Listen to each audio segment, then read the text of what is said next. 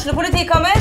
Ine Jansen er purk. Er du purk? The motherfucking bitch. Alt jeg vil, er å finne ut hva som skjedde med mannen min. Jon Carew. Er jeg sikta for noe? Iben Akeli. Det er du. Ole So, Lars Berrum og Big Daddy Karsten. Hvem sin side er du på, egentlig? Anette Hoff, Tone Danielsen, Kommer du fra Afrika? Jørnis Josef, Nesten. Kløfta. Trond Espen Seim, Det er synd å si det, men det var feil mann som døde. Purk. Premiere tirsdag på TV2 Play. Hei, takk for at du lytter til Søvnløs. Skulle du ønske at du kunne høre en ny episode av denne podkasten hver eneste uke? Vel, da er det bare å laste ned podkastappen Untold med en gang.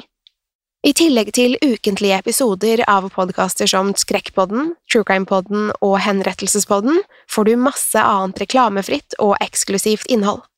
Last ned Untold i AppStore eller Google Play, og start din 30 dagers prøveperiode i dag.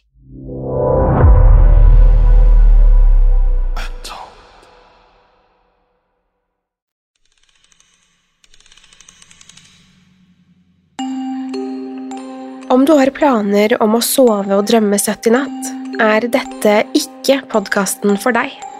Hvis du er lettskremt, lett påvirkelig eller har søvnproblemer, bør du styre unna akkurat denne. Om du likevel vil ta sjansen, eller er på utkikk etter en unnskyldning for å ikke sove, så har du kommet til rett sted. Om du velger å bli, er du herved advart. Velkommen til Søvnløs. God natt.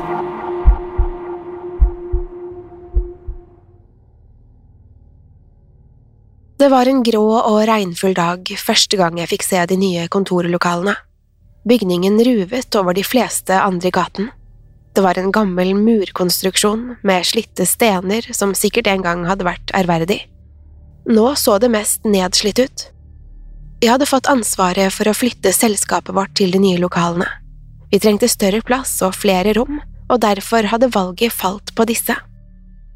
Her hadde vi minst 100 kvadratmeter mer å jobbe på. Dessuten hadde lokalene vært mye billigere enn alle de andre alternativene. Det var likevel noe underlig med stedet.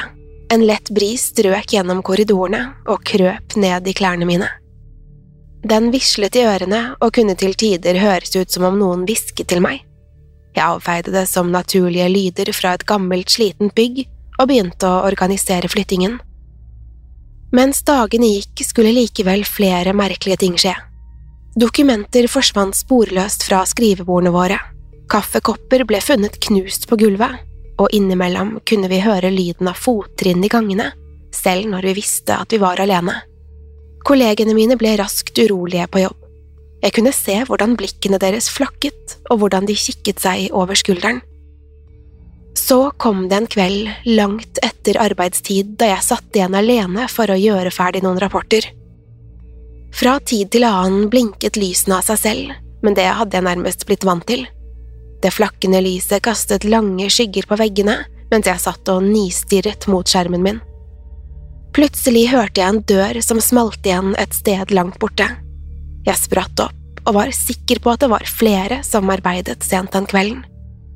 Likevel visste jeg at jeg egentlig skulle være alene. Den siste av kollegene mine hadde til og med fortalt meg det da hun gikk.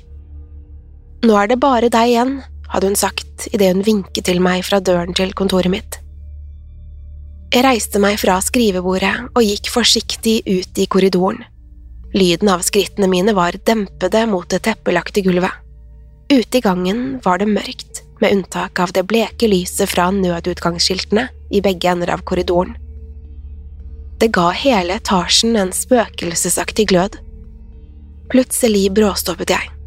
I enden av gangen syntes jeg kunne se en fjern, disig skikkelse. Skapningen svevde noen centimeter over gulvet og var omringet av en gråaktig tåke. Hjertet mitt hamret i brystet, og jeg kjente frykten gripe tak i meg. Jeg visste ikke riktig hva jeg skulle tro om det jeg så foran meg. Var det virkelig et spøkelse, eller var det bare mitt overarbeidede hode som spilte meg et puss? Uansett hva det var, var det bare én ting som sto i hodet på meg, og det var å komme meg ut av bygningen så fort som mulig. Jeg snudde meg og løp mot utgangen. Imens føltes det som om noe pustet meg i nakken. Frykten fikk det til å gå helt rundt for meg, og stegene mine ble raskere og klumsete. Da jeg endelig nådde døren, slynget jeg den opp og kastet meg ut i den kalde natten. Regnet høljet ned over meg mens jeg prøvde å gjenvinne pusten. Dagen etter var jeg fast bestemt på å finne ut av hva som hadde skjedd. Kollegene mine hadde også opplevd uforklarlige ting, så nervøsiteten hang tykk i luften. Jeg bestemte meg for å grave i bygningens historie i et forsøk på å finne ut mer om lokalenes fortid. Jeg tilbrakte timer på biblioteket hvor jeg søkte gjennom arkiver og gamle aviser. Til slutt fant jeg det jeg lette etter – historien om bygningen. Det viste seg at den hadde en dyster fortid. En brann hadde brutt ut i etasjen hvor vi leide lokaler for mange år siden, og flere hadde mistet livet til flammene. Ifølge historien hadde bygget vært en boligblokk den gangen, og brannen hadde startet om natten. Dermed var det flere som ikke engang hadde kommet seg ut av sengene sine før flammene og røyken tok dem. Da jeg fortalte om det jeg hadde lest til kollegene mine, ble stemningen enda mer anspent. Flere var skeptiske til at noe overnaturlig kunne stå bak alt det merkelige som hadde hendt, meg selv inkludert. Likevel kunne jeg ikke la være å lure på om det var akkurat slik det måtte være. Tanken på å arbeide et hjemsøkt sted sendte frysninger nedover ryggen min. Likevel fikk jeg meg ikke til å la det ligge før jeg visste hva som foregikk. For alt jeg visste, var det ingenting å bekymre seg for. Derfor bestemte jeg meg for å tilbringe en natt i bygningen alene, for å se om jeg kunne avdekke noe mer. Natten kom, og jeg satt alene ved pulten min i den dunkle belysningen. Tiden gikk mens jeg stirret inn i mørket, forventningsfull og engstelig på samme tid.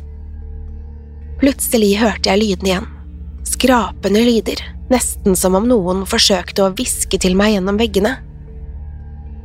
Jeg reiste meg og gikk så rolig jeg kunne ut i korridoren. Der var det like mørkt som inne på kontoret mitt. Jeg gikk fra rom til rom, men til å begynne med opplevde jeg ingenting. Det var helt til jeg åpnet døren til det jeg trodde var sjefen min sitt kontor. I løpet av de siste ukene hadde jeg vært innom kontoret flere ganger. Jeg visste hvordan det skulle se ut der inne, og likevel kjente jeg meg ikke igjen. Det var som om noe var forandret. Støvet danset i det svake lyset fra gatelyktene utenfor, som ble filtrert gjennom vinduet. Samtidig var det en prikkende følelse som fikk hårene på armene mine til å reise seg. Så fikk jeg plutselig øye på den. Der, midt i rommet, sto skikkelsen. Den var disig og nærmest gjennomsiktig, og stirret mot meg med tomme øyne. Frykten grep tak i meg, og jeg ville løpe, men føttene mine nektet å bevege seg. Jeg var lammet av redsel. Hvem er du? Stemmen min skalv ukontrollerbart og ga gjenlyd gjennom det mørke rommet. Skikkelsen forble taus, men jeg kunne føle en bølge av energi som strømmet fra den. Det var som om den ønsket å kommunisere, men på en eller annen måte ikke kunne. Det var helt til skikkelsen plutselig åpnet munnen i et unaturlig stort gap og skrek mot meg. Lyden boret seg inn i øregangene mine og fikk det til å svimle for øynene mine. Samtidig ble døren bak meg slamret igjen av en usynlig kraft, og jeg hørte låsen klikke. Nå var jeg fanget inne på rommet med den skremmende skapningen svevende foran meg. Jeg snudde på hælen og prøvde å rive døren opp, men den ville ikke rikke seg. Da jeg vendte meg tilbake mot skikkelsen, sto den ikke lenger i den andre enden av rommet. På de få sekundene jeg hadde snudd meg mot døren, hadde den beveget seg lynraskt over gulvet, og nå sto den kun noen centimeter fra meg. Det ubeskrivelige gapet oste av tykk, svart røyk, og den fortsatte å skrike høyt og skingrende. Skremt og lamslått spurte jeg igjen hvem skikkelsen var men alt jeg fikk til svar, var et uhyggelig latterbrøl. Samtidig var det som selve rommet begynte å riste, som om byen var blitt rammet av et voldsomt jordskjelv. Jeg mistet fotfestet og ble kastet rundt på gulvet mens den ruvende skikkelsen svevde over meg. Jeg prøvde å klamre meg fast i møbler, men de ble kastet rundt sammen med meg. En kontorstol havnet oppå magen min og slo pusten ut av meg, og det var bare så vidt jeg unngikk å få skallen knust av et arkivskap som veltet over ende med et brak. Ut av skuffene på skapet ramlet det ut papirer, skjøteledninger og nyspissede blyanter. I panikk grep jeg en håndfull blyanter og kylte dem mot skikkelsen, men de passerte rett gjennom den svevende kroppen. Jeg forsøkte å kaste alt jeg fikk klørne imot skikkelsen, men ingenting så ut til å hjelpe.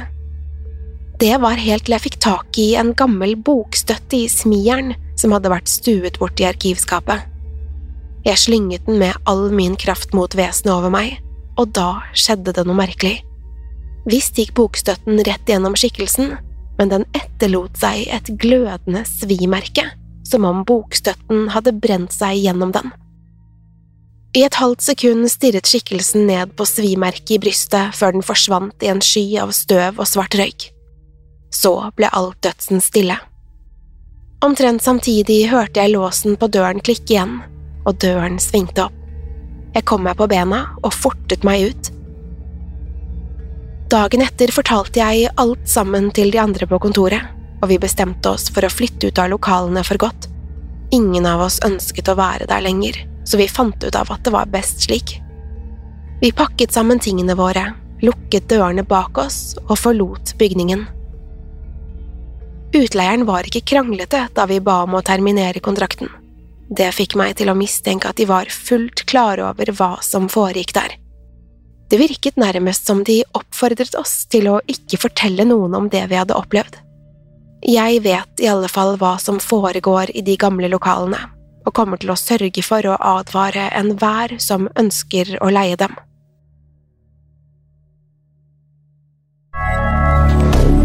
Moderne media. Har du et enkeltpersonforetak eller en liten bedrift? Da er du sikkert lei av å høre meg snakke om hvor enkelt det er med kvitteringer og bilag i fiken, så vi eh, gir oss her, vi. Fordi vi liker enkelt. Fiken superenkelt regnskap.